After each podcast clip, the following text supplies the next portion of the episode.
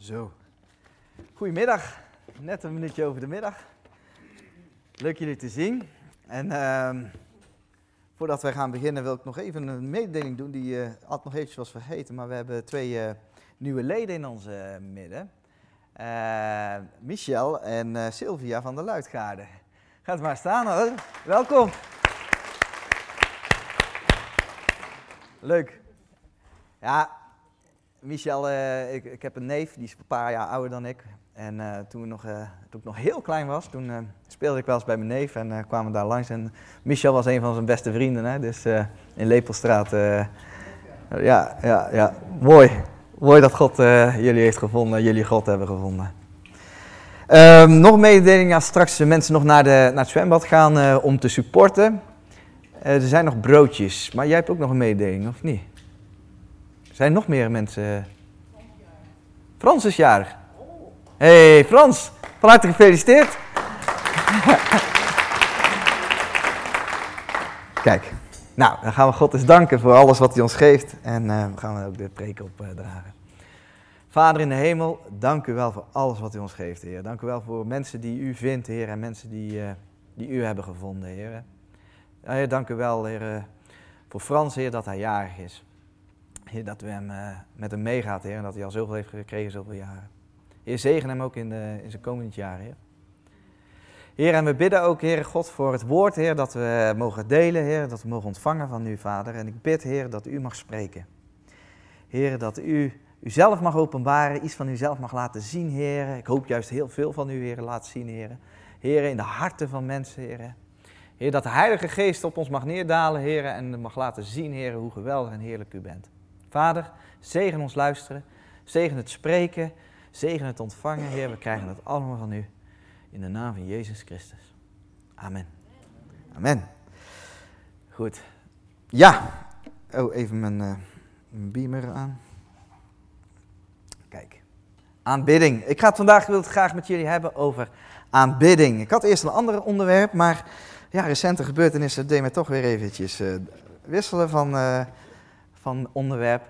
En ik, eh, ik wil jullie even een stukje meenemen, een stukje geschiedenis. Lang geleden. Ja, dat is al elf jaar geleden. 2010. Ik, eh, ja, dit is, eh, dit is een van mijn gloriedagen. Zie je ook aan het aantal views, 500, dus dat komt helemaal goed. Nee, ik, was, ik heb vroeger lang geleden heb ik in een jeugdbandje gespeeld. En ehm, dat was dan eh, een groep vrienden, kwamen we bij elkaar. En wij, wij waren al eh, natuurlijk, we volgden Jezus, we volgden God. We hadden het al een paar jaar, hadden we hem lief. En we zeiden ook van, eh, nou, we waren een paar muzikale eh, mensen met de muzikale interesses. En we zeiden, het zou toch gaaf zijn als wij een, een, een, een aanbiddingsband zouden gaan starten. Dus nou, zo gezegd, zo gedaan. Wij starten het. En ehm, ja, we zien daar eigenlijk, ja, je kent ze eigenlijk niet, maar eh, in ieder geval Ron, ik, Rick, David, Felix. En ook de zoon van Sjaak en Leni, Wessel, die, zaten daar, was daarbij. En wij gingen dan, iedere, iedere week kwamen we dan bij Sjaak en Leni in de scheur. En dan eh, moesten we naar, eh, helemaal naar zolder toe. De eerste verdieping was namelijk al bezet door, eh, door Xander hè, met zijn, met zijn muziek. Dus wij moesten nog een trapje omhoog. En dan moest ik echt met zo'n hele zware basgitaar versterken. En elke keer weer sjouwen. En oefenen, spelen. En daarna mochten we dan wel eens een keer optreden. En dan was het daar zo. En dan was de Middelharders hadden bijvoorbeeld zo'n jeugddienst. En dan waren 500 jonge mensen die daar God prijzen. En God aanbidden. En dat was natuurlijk dat was indrukwekkend. En wij mochten daar dan staan en wij mochten dan spelen. En ehm, binnen, binnen, binnen een jaar of eh, vier eh, dat we de band hadden, was denk ik vijf van de zes eh, was of getrouwd of had een vriendin. Want ja, het was natuurlijk best wel hip hè, als je daar dan staat en allemaal jonge mensen die zien daar jou spelen. En zo heb ik eigenlijk ook mijn vrouw Rachel min of meer leren kennen. Het was de zus van David, de zus van de gitarist. Maar dankzij samen vrienden worden optrekken heb ik haar leren kennen. En ja, hier zie je nog een fotootje van mij eh, zonder nestharen. Sta ik daar zo'n beetje te, te staan te spelen en zo. Maar ik wil het niet hebben over mijn successen. Ik wil het hebben over wat er eigenlijk daarna, twee weken daarna gebeurde. Twee weken daarna hadden wij een, eh, weer een jeugddienst. Weer een, eh, in dezelfde kerk. Het was hetzelfde gebouw, laat ik het zo zeggen. Want het gebouw werd eh, gehuurd. En er was een andere gemeente die zei: Oh, wat, wat, wat gaaf dat er toch zoveel jongeren kwamen. Weet je wat, dat gaan wij ook doen. Dus we hebben ook allemaal geflyerd, ook allemaal eh, via Facebook. Facebook was toen hip onder de jongeren.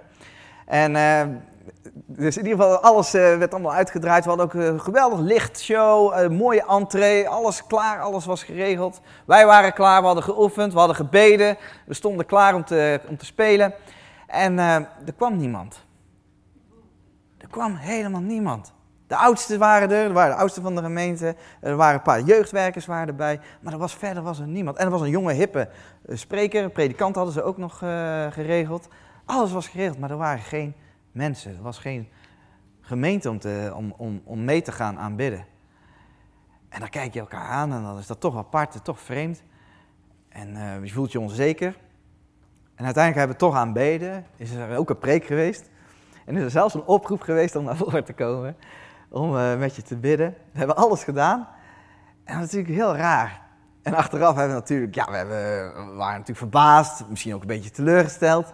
Maar ook wel de, de, de humor ervan ingezien. En we hebben opgeruimd en ik ging naar huis. En, maar het ging me wel even nadenken. Dat ik dacht van, god, waar, waar zijn we mee bezig? Wat is nu, ja, wat is de aanbidding? Wat, wat is hier, uh, ja, wat doen we wat we moeten doen? Wat doen we eigenlijk? Dus ik, ik begin over nadenken. En uh, ik denk dat die vraag nog wel steeds actueel is. Ik heb daarna nog heel vaak voor lege zalen gestaan namelijk. Of voor lege gemeentes. En met mijn schoonvader was het bijvoorbeeld iedere maandagavond gingen we naar, uh, naar, gemeente in naar de gemeente Tolen toe. En dan gingen we aanbidden. En dan gingen we daar staan, dan gingen we daar muziek maken. Maar er stonden altijd meer mensen op het podium muziek te maken dan dat er mensen kwamen om God te zoeken en God te aanbidden. En natuurlijk doe je daar wel denk je bij jezelf, ja, dat doet dat zeer. Maar het leert je ook wel om na te denken, waar draait het om? Waar draait het om in aanbidding? En waarom doen we de dingen die we doen? En ik wil met jullie eerst even een stukje lezen, Johannes 4, vers 20 en 24. En dan begin ik iets eerder, maar pak het alsjeblieft bij jullie, dan, uh, dan lezen we samen. En er staat, uh, ja, jullie kennen het verhaal misschien wel. Jezus die gaat naar Samaria toe en ontmoet daar een vrouw bij de put. En hij gaat met die vrouw in gesprek en hij weet dingen over haar die, uh, die niemand eigenlijk weet. Hij openbaart een stukje verborgen zonde van de mevrouw. En die mevrouw ziet, hé, hey, dit is een profeet. En die mevrouw die gaat dus, die ziet dus dat hier een man van God aan het werk is. En ze stelt hem een vraag. En dat vind ik een hele bijzondere vraag. En dat begint dan eigenlijk in uh, Johannes 4, vers 19. De vrouw zei tegen hem, mijn heer, ik zie dat u een profeet bent. Onze vaderen hebben op deze berg aangebeden en bij u zegt men dat in Jeruzalem de plaats is waar men moet aanbidden. Jezus zei tegen haar, vrouw geloof mij, de tijd komt dat u niet op deze berg en ook niet in Jeruzalem de Vader zult aanbidden. U aanbidt wat u niet weet. Wij aanbidden wat wij weten, want de zaligheid is uit de Joden. Maar de tijd komt, en is nu, dat de ware aanbidders de Vader zullen aanbidden in geest en waarheid. Want de Vader zoekt wie hem zo aanbidden. God is geest en wie hem aanbidden, moeten hem aanbidden in geest en waarheid. En de vrouw zei tegen hem, ik weet dat de Messias komt, die Christus genoemd wordt. Wanneer die gekomen zal zijn, zal hij ons alles verkondigen. En Jezus zei tegen haar, ik ben het die met u spreekt. Die mevrouw die komt tot geloof. Die mevrouw die komt zien, die ziet, hé, hey, hier is God aan het werk.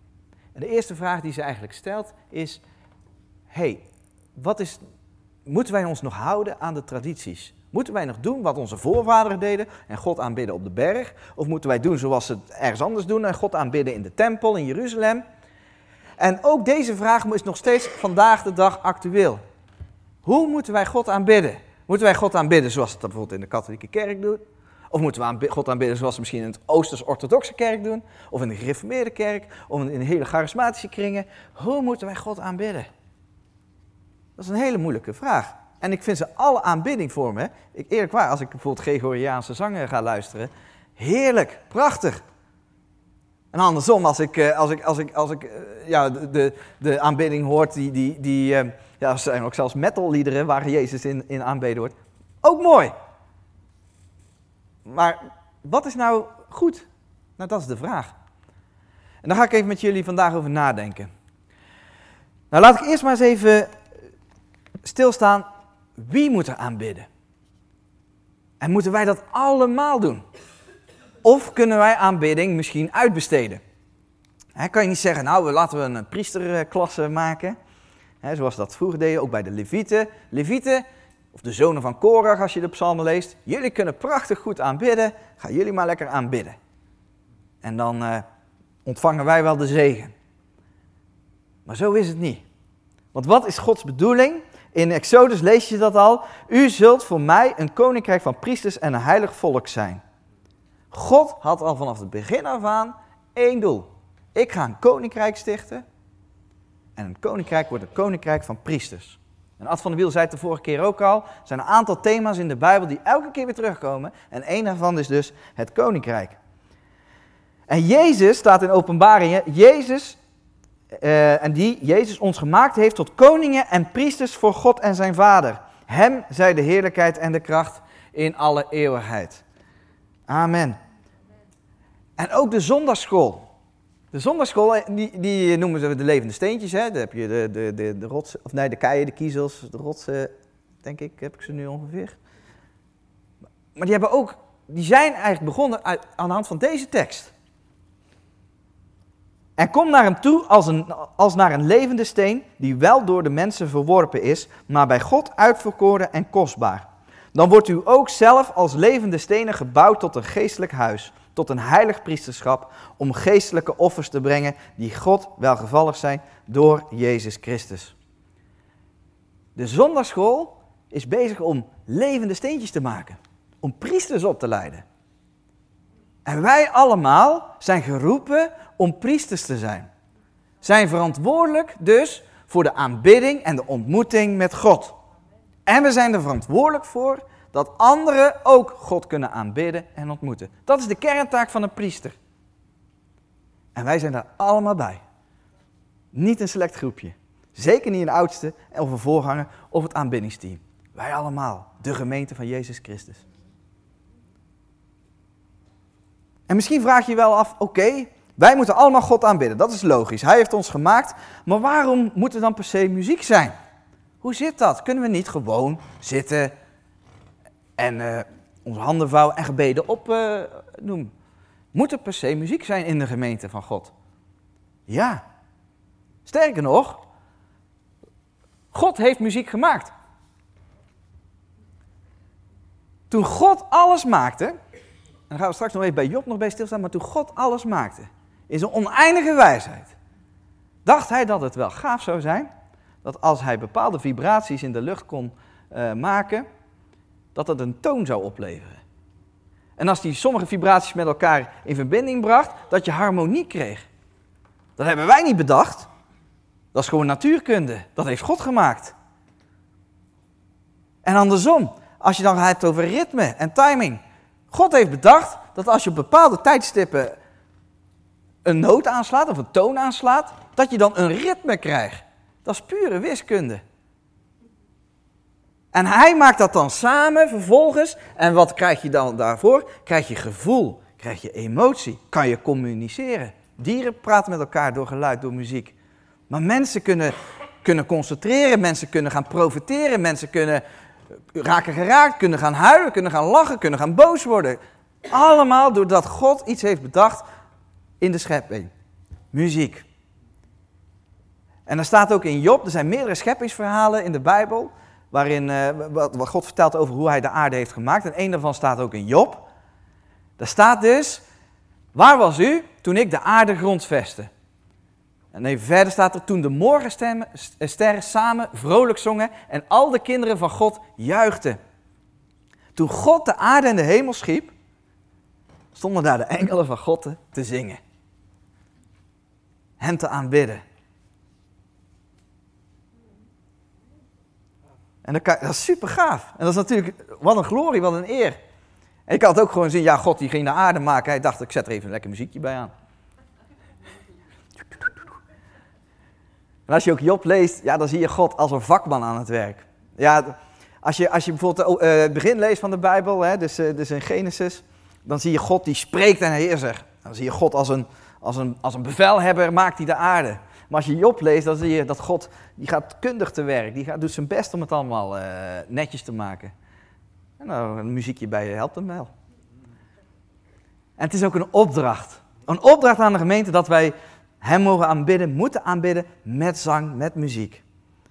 Er staat in, uh, even kijken, Efeze, spreek onder elkaar met psalmen en lofzangen en geestelijke liederen. En zing voor de Heer en loof hem in uw hart.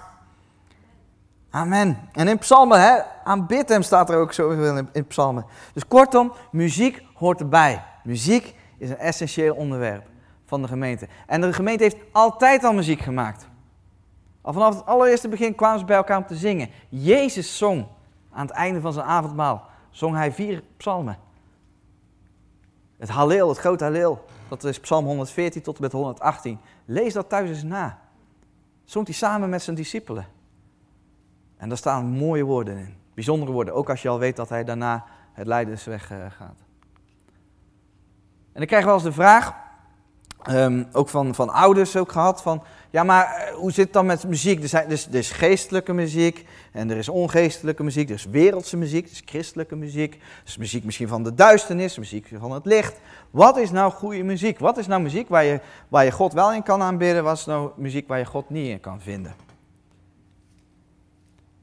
En laat dat, dat is natuurlijk een hele moeilijke vraag, want er wordt ook echt discussies. Ook binnen de gemeente van God worden discussies gevoerd over muziek en over de vorm van muziek. Dit is wel van God, hele noten bijvoorbeeld. Dit is niet van God, halve noten. Dat is serieus. Dit is wel van God, een orgel. Dit is niet van God, een drumstel. Maar die vraag die zien we ook gewoon thuis en speelt dat ook. Nou, laten we één ding voorop stellen. God heeft alles gemaakt. Ook muziek, ook klanken. Het is niet zo dat Satan iets heeft bedacht wat God niet heeft bedacht. God heeft die harmonisaties bedacht. God heeft ritme bedacht. Dus of je nou heel op iedere tel een, een, een, een bas uh, hoort uh, dreunen, dan wil je niet zeggen, oh, dat is van de Satan. Hoezo? God heeft muziek bedacht. Wij ontdekken alleen maar wat God heeft bedacht. En wij, maken daar, wij creëren daar weer iets moois van. En dan zeggen we, kijk God, dit hebben wij gemaakt. Van alles wat u al heeft gemaakt van de schepping. Iedere baksteen heeft God gewoon eerst gemaakt. Tuurlijk, wij kunnen het klei uit de grond halen, laten drogen. En we hebben een baksteen en we bouwen er een huis van. Maar zonder dat klei hadden we helemaal geen baksteen. En God geeft het allemaal. En datzelfde ook met muziek. Alleen wat doe je ermee? Dat is het. Paulus zegt ook, niet alles is, is, is tot eer van God of nuttig. alles is wel geoorloofd, maar niet alles is nuttig. En er zijn eigenlijk twee regels waar je aan moet denken als je het hebt over, oké, is dit nou van God, is dit nou tot eer van Hem? En ene staat in Hebreeën, waarin je kan zeggen van, even kijken, dus twee toetsen eigenlijk. Omdat wij nu, broeders, vrijmoedigheid hebben om in te gaan in het heiligdom door het bloed van Jezus Christus langs een nieuwe weg, nieuwe en levende weg, die Hij voor ons heeft ingewijd door het voorhangsel, dat is door Zijn vlees, en omdat wij een grote priester hebben over het huis van God. Wil jij God aanbidden? En maakt niet uit op welke manier. Dan is er maar één weg. En dat is het weg door het bloed van Jezus Christus. Staat, hij is het voorhangsel. Wilde je in het heilige der heiligen komen, dan moest je in het oude tempel, moest je dan eh, door het voorhangsel heen. Dan kon je eindelijk komen daar waar de heerlijkheid van God was. En dat is een beeld geweest van de aanbidding die wij nu mogen ervaren. Alleen maar door Jezus Christus heen kan je de heerlijkheid van God ontvangen. En kan je Hem dus echt aanbidden. Dus als je muziek luistert, of als je Hem aanbidt, door doen en laten wat je doet, of door, door in gebed te gaan, weet dat het alleen maar het bloed van Jezus Christus is die de weg heeft gemaakt. En het is dus, Jezus zegt zelf, ik ben de weg, de waarheid en het leven. Niemand komt tot de Vader dan door mij. Dus aanbidding gaat altijd langs Jezus Christus heen. Er is geen omweg, er is geen achterdeurtje, er is geen andere weg dan Hij. Dus daar moet je altijd aan denken. Gaat dit langs Jezus toe? En natuurlijk, als je dan God ontmoet en je, gaat in, uh, je, bent, je kan alleen maar halleluja zeggen of heilig zeggen, weet dan dat dit ook door Jezus is bewerkstelligd. Dus ook in, wil je dat weten, ook in je muziekkeuze. En de tweede staat in uh, Filippenzen 3, vers 2 en 3 staat er let op de honden. En dat zijn natuurlijk niet de, de Ierse setters en de border collies en de Duitse herders, maar let op de mensen die niet geloven, de heidenen staat er eigenlijk. En let op de slechte arbeiders. Let op de versnijdenis. Want wij zijn de besnijdenis. Wij die God in de geest dienen en in Christus Jezus roemen en niet op het vlees vertrouwen. Dat is een beetje lastig, maar vooral die laatste zin. Wij die God in de geest dienen en Christus Jezus roemen en niet op het vlees vertrouwen. Wanneer is er sprake van aanbidding? Als er gediend wordt. Als God gediend wordt en zijn gemeente gediend wordt. Als je het dus doet voor hem en voor zijn gemeente en voor zijn lichaam. En dat de eer en de glorie alleen maar naar Jezus Christus gaat. Voor alles wat je doet. Dus het gevaar van iedere aanbidding is dat de, de, het, het gemaakte van God, het, de schepping, wordt geëerd in plaats van de schepper. En dat kan een mens zijn die fantastische dingen gaat doen. voetballers die fantastisch mooie goals kunnen maken en dribbles kunnen maken. En wat is dit? Godenzonen zien we hier aan het werk. En ik ook denken aan een voetballer, uh, volgens mij was dat Kaka, die dan altijd zijn shirt uit deed. We hebben het toch over voetbal. en dan stond dan op Jesus, uh, uh, alle eer. Geweldig. Maar wij hebben altijd een beetje de neiging om de schepping te eren. Maar dat is dus niet de bedoeling. En kijk ook goed dus als het eer van God gaat. Dus die twee dingen. Dat het door langs Jezus gaat en dat het tot dienstbaarheid is van God en hij de eer krijgt. Dan weet je het. Dan is er aanbidding. En dan is de vraag, maar wat is dan, is er dan een bepaalde vorm die niet goed is? Nee, er is geen bepaalde vorm die niet goed is. Alles is goed als je eigenlijk aan die twee principes houdt. En ik moet eerlijk zeggen, mijn vader, uh, ik, ik luisterde vroeger heel graag naar happy hardcore. En uh, Charlie Low Noise en zo. En dan zat ik dan lekker op mijn kamertje een beetje zo naar die muziek te luisteren en zo. En mijn vader vond dat helemaal niks. En dan had hij wel zo gezegd, je moet dat nou weer, kan het wat zachter, weet je wel. Of dan dacht ik dat na negen uur of tien uur s'avonds die muziek nog steeds mooi was. en er wel zo'n ruzie over gemaakt. En dan zeg je, maar was, als ouders commentaar hebben op, op, op, op, op de muziek, dan zijn meestal drie redenen. Eén, ze begrijpen je gewoon niet. Ze snappen gewoon echt niet wat mooi is. Of twee, je hebt gewoon een hele slechte smaak. of drie, er is misschien iets geestelijks aan de hand waar je even rekening mee moet houden. Maar goed, dat is even terzijde. Um, maar even over dat innerlijk en uiterlijk. Als wij gaan aanbidden, dat past ook zo precies bij wat wij als gemeente zien in, in, in, eh, in, onze, in onze visie. Jezus vinden, Jezus volgen, Jezus verkondigen. En als, je, als mensen hier binnenkomen, en ik vraag me wel eens af, stel dat mensen hier binnenkomen. Wanneer zien ze nou dat hier echte aanbidding is? Als ze hier binnenkomen en zeggen, wanneer is er aanbidding? Nou, dan moet je eigenlijk aan deze drie punten zien. Jezus vinden. Als je Jezus vindt, of als je God ziet, is er eigenlijk altijd een reactie dat je gaat aanbidden. Ik geef even een voorbeeld. Johannes 9, vers 35 tot en met 38 staat. Jezus hoorde dat zij hem, en dat was een man die hij had genezen, uit de synagoge geworpen hadden. En toen hij hem gevonden had, zei hij tegen hem, gelooft u in de Zoon van God? Hij antwoordde en zei, wie is hij, heren, zodat ik in hem kan geloven? En Jezus zei tegen hem, die u gezien hebt en die met u spreekt, die is het. En hij zei, ik geloof, heren. En hij aanbad hem. Als mensen Jezus gaan vinden, gaan ze hem aanbidden. Als mensen een ontmoeting krijgen met God, vallen ze neer voor hem in aanbidding. Dat zie je overal terugkomen in de Bijbel. Elk moment. Ontmoeting met God, aanbidding. Dat is geen tussenweg. Zodra Johannes het ziet, dat uh, op eiland eh, Patmos ziet hij Jezus in al zijn heerlijkheid, hij valt dood voor hem neer.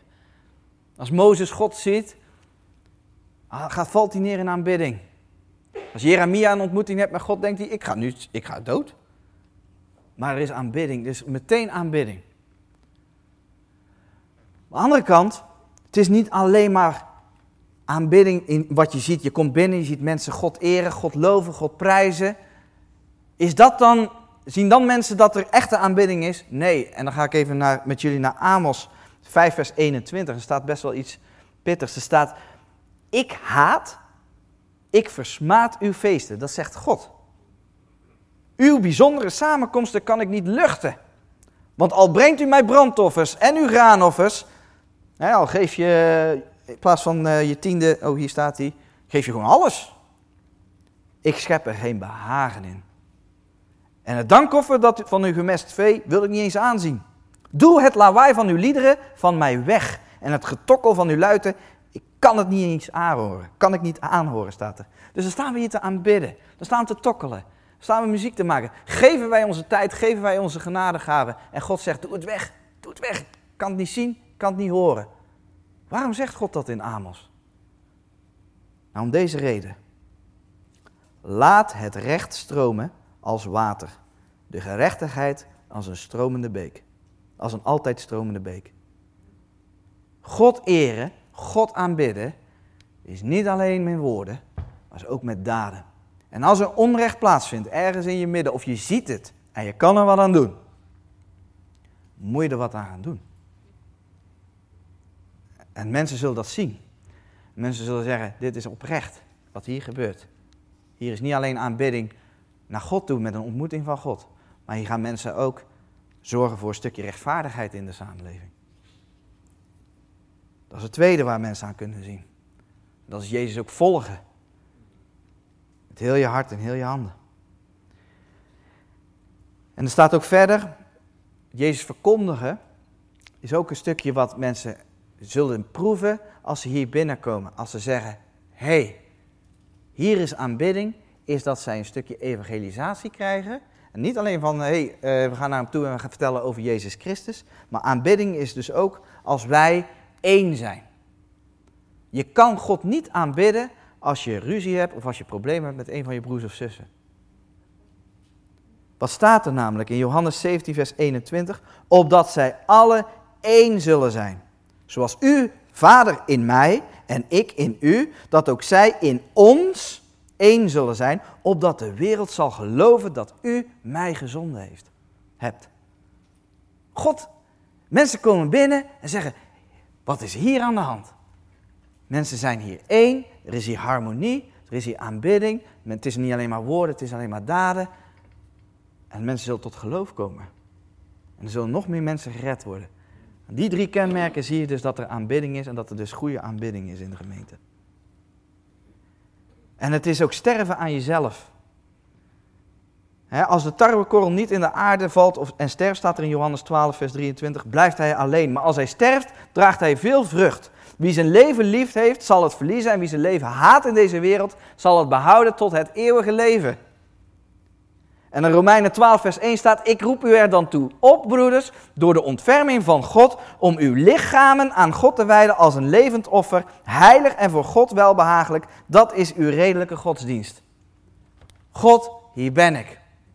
Het kost mij wat, maar ik doe het voor een ander. En je sterft soms een stukje aan jezelf. En het gaat dus niet om jouw eer, niet om mijn eer, het gaat niet om de eer van iemand die dat doet. Het gaat om zijn eer. Het is bijna iets verborgens. Zoals Jezus stierf en daardoor miljoenen, miljarden mensen gered heeft voor de eeuwigheid. Zo mogen ook wij elke keer weer een stukje sterven aan onszelf door bijvoorbeeld een stukje offer te brengen aan tijd, aan aandacht, aan liefde of geld.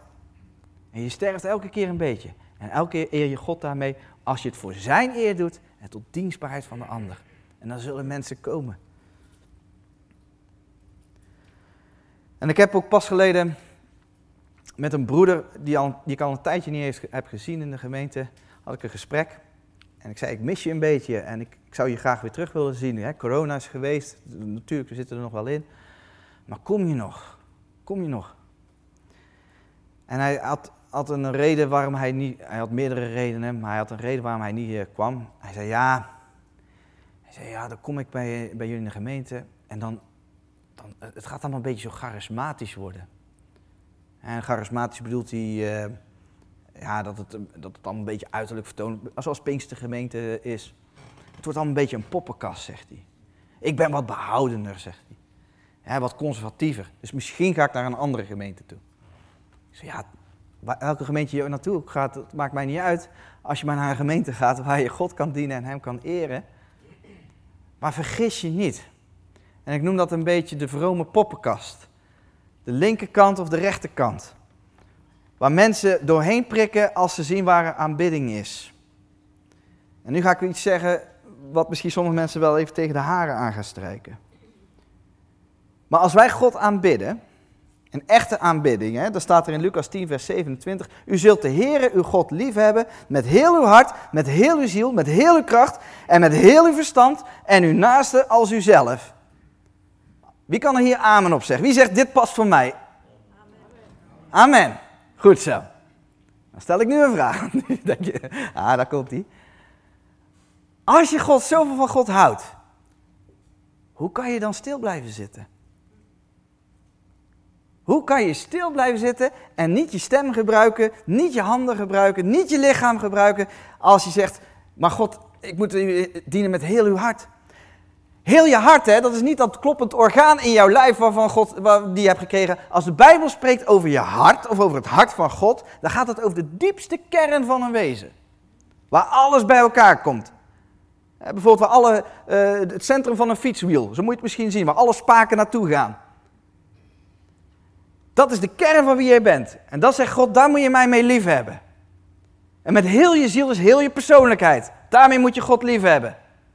En als God zegt, en, met, en als je zegt met heel je kracht, met heel je kracht, ja, je kracht zit in je spieren. Daarmee moet je God lief hebben. En met heel je verstand, met je volle bewustzijn. Niet zo van, ja, ik doe maar wat, ik weet niet wat ik doe. Nee, je, ook met je verstand, hou je van hem. Het is een bewuste keuze. En dat moet je zien. Dat moet je zien. En er zijn natuurlijk mensen die zeggen, ja, maar ik ga God aanbidden in, in, ja, weet je, ik doe God aanbidden in mijn hart. Ik blijf zitten en ik ben hem aan het aanbidden met mijn hart. Ja, dat is niet wat de Bijbel ons leert eigenlijk. Als we kijken ook naar Jezus, Jezus juichte op het moment dat hij goed nieuws hoorde over wat God deed in de wereld. Staat er letterlijk, Lucas 10, vers 21. Op dat moment begon Jezus vervuld van de Heilige Geest te juichen. En ik zei, ik loof u Vader, Heer van hemel en aarde. Jezus kon niet stilzitten. Op het moment dat hij dus te horen kreeg van, ja God, u bent aan het werk.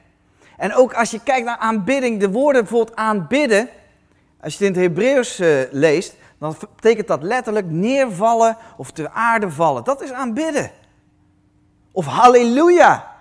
Halleluja betekent in de grondtekst heeft dat dezelfde klanken als helemaal uit je dak gaan. Dat is aanbidding ook. En natuurlijk, we zijn misschien als gemeente zeggen, ja, maar we zijn, nuchtere Hollanders. Ja, ja, nuchtere Hollanders. Maar het is niet alleen dus, dat, dat is misschien helemaal waar, dat is een beetje cultuur misschien. Maar het is ook, je kiest ervoor. En er zit ook misschien een geestelijke bedekking erin. Die jou op je stoel houdt. Want om eerlijk te zijn, als mensen ook zeggen van ja, eh, ook over je hart. Ja, maar bijvoorbeeld jonge mensen. Die zijn met elkaar, die hebben een relatie. En ze verlangen vurig naar elkaar. Maar ze gaan nog niet trouwen. Christenen. Dan kan je zeggen, ja, maar we zijn in ons hart met elkaar getrouwd. Je hart met elkaar getrouwd zijn. Dat, dat is niks. God rekent dat niet als getrouwd zijn hoor. Als je getrouwd wil zijn, dan moet je, op je, moet je eerst naar de vader gaan van dat meisje, moet je toestemming vragen. Nou, als die nee zegt, ja, dan ga je nog beter je best doen. Maar goed, dan ga je toestemming vragen. Je gaat naar het meisje toe, je gaat vragen, hey, wil je met mij trouwen? Je zorgt ervoor dat je haar kan voorzien. Je zorgt ervoor dat je, dat je een huisje klaar hebt staan. Je gaat vervolgens ga je samen met elkaar alles gereed maken. En dan ga je naar de gemeente toe met elkaar en in de ceremonie, de ceremonie oké. maar dan ga je voor de, voor de overstand van de gemeente zeg je, dit is een meisje waar ik van hou. Ik blijf de hele leven bij haar. Dik en dun. En dat beloof ik ten overstaan van God. En dat meisje zegt daar ook op. Ja, dat doe ik en ik beloof dat ook. Dan ben je getrouwd. En dan ben je een eenheid. Het is niet alleen maar wat er in je hart afspeelt. En hetzelfde geldt voor aanbidding. Het is niet alleen maar wat er in je hart afspeelt. Het is ook wat je laat zien aan God. En ik heb aan het einde van de dienst ook een, broeder gesproken die zei: Ja, maar ik heb misschien. Het is ook een stukje mensenvrees. Ja, dat klopt ook. Wat zullen anderen van mij denken? En het is ook, ook hierin, forceer jezelf niet, hè? Maak er geen vrome poppenkast van. Want dat was bijvoorbeeld wat de andere broeder ook tegen mij zei: Ja, het is allemaal een poppenkast.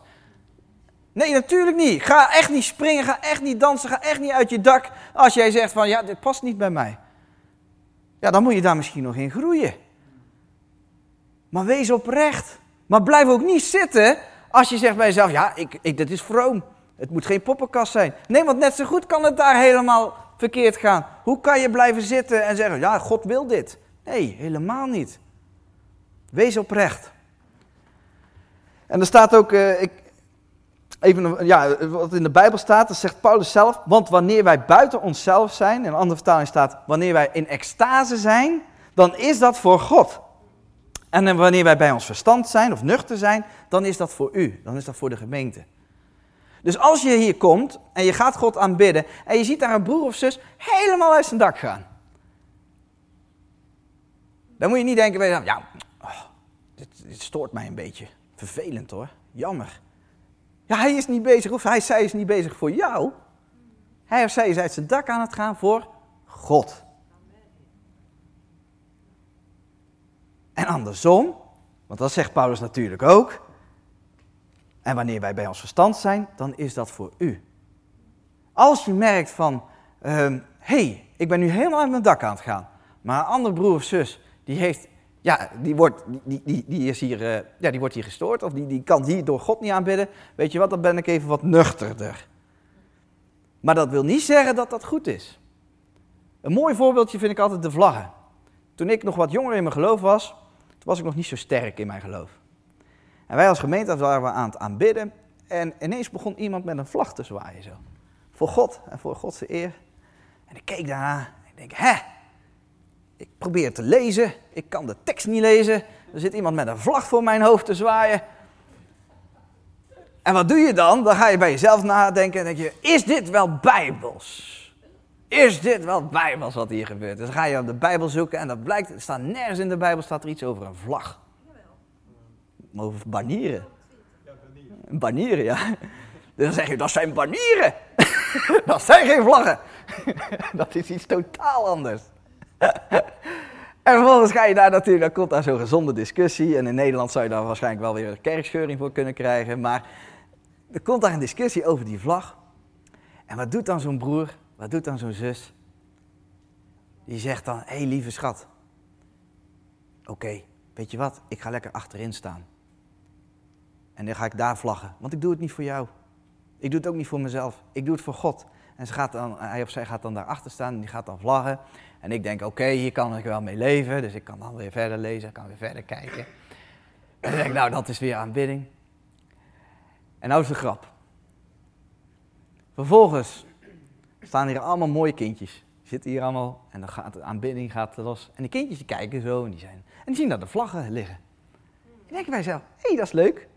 Dus die lopen naar die vlaggen toe, die pakken die vlaggen, die lopen hier naar voren en die beginnen met die vlaggen te zwaaien. En wat zeg ik? Moet je kijken. Oh, wat schattig. Zitten ze daar lekker met die vlaggen? Goed zo kinderen, doe mee met ons, we gaan God groot maken. Ja, wie is er hier nou een beetje hypocriet? Dus hou rekening met elkaar, tuurlijk. Maar weet wel dat als je ergens misschien aan stoort, aan de aanbidding van een ander, dan ben jij waarschijnlijk de zwakkere broer hierin. Beetje hard misschien om te zeggen, maar misschien moet dat gezegd worden. En broers en zussen, als je in je dak gaat, compleet uit je dak gaat, weet dan ook dat je het voor God doet en niet voor jezelf. En als we die harmonie vinden en daarin met elkaar kunnen groeien en ontdekken wat God nog meer wilt in het aanbidden van Hem, nou dan geloof ik dat we als gemeente gigantisch mogen groeien. En dan zullen we ook mensen binnen zien komen die zeggen, hey, hier is echte aanbidding. Hier is echte aanbidding. En ik hoop dat jullie, we gaan de komende tijd, ook Ad van der Wiel gaat heel veel preken ook over bidden en gebed en aanbidding. Ja, bidden en aanbidden, het, is zo, het zit zo tegen elkaar aan. En ik hoop dat jullie ook met mij mee willen groeien en met de gemeente mee willen groeien in de aanbidding. Want dat zegt Jezus, de tijd komt en is nu dat de ware aanbidders de Vader zullen aanbidden in geest en in waarheid. En de Vader zoekt. De vandaag de dag gaat de geest van God over de wereld heen. Op zoek naar aanbidders. Die hem zo willen aanbidden. God is geest. En wie hem aanbidden, moet hem aanbidden in geest en waarheid. Zullen we met elkaar bidden voor, uh, voor dit? Vader in de hemel, dank u wel, Heer, voor deze dag. Dank u wel, Heer, voor uw woord en dat we u mogen aanbidden. Heer, u bent groot, u bent heilig. Alle lof, alle eer aan u. Heer, u hebt ons gered en u hebt ons geroepen tot kinderen van God en priesters, Heer God. En ik bid dat uw geest van aanbidding over ons heen mag komen. En ons mag vervullen. Ik bid dat wij op zoek gaan naar oprechtheid. Heren, in de aanbidding, in liefde. Dat we loskomen van angst voor de mensen. Heer, en dat we op zoek gaan naar de eer van Jezus Christus. Heer, zegen ons als gemeente om daar naartoe te gaan, daar naartoe te groeien. Heilige God, u bent goed, Heer. dank u wel, Heer, voor wat u ons gaat geven. In Jezus' naam. Amen.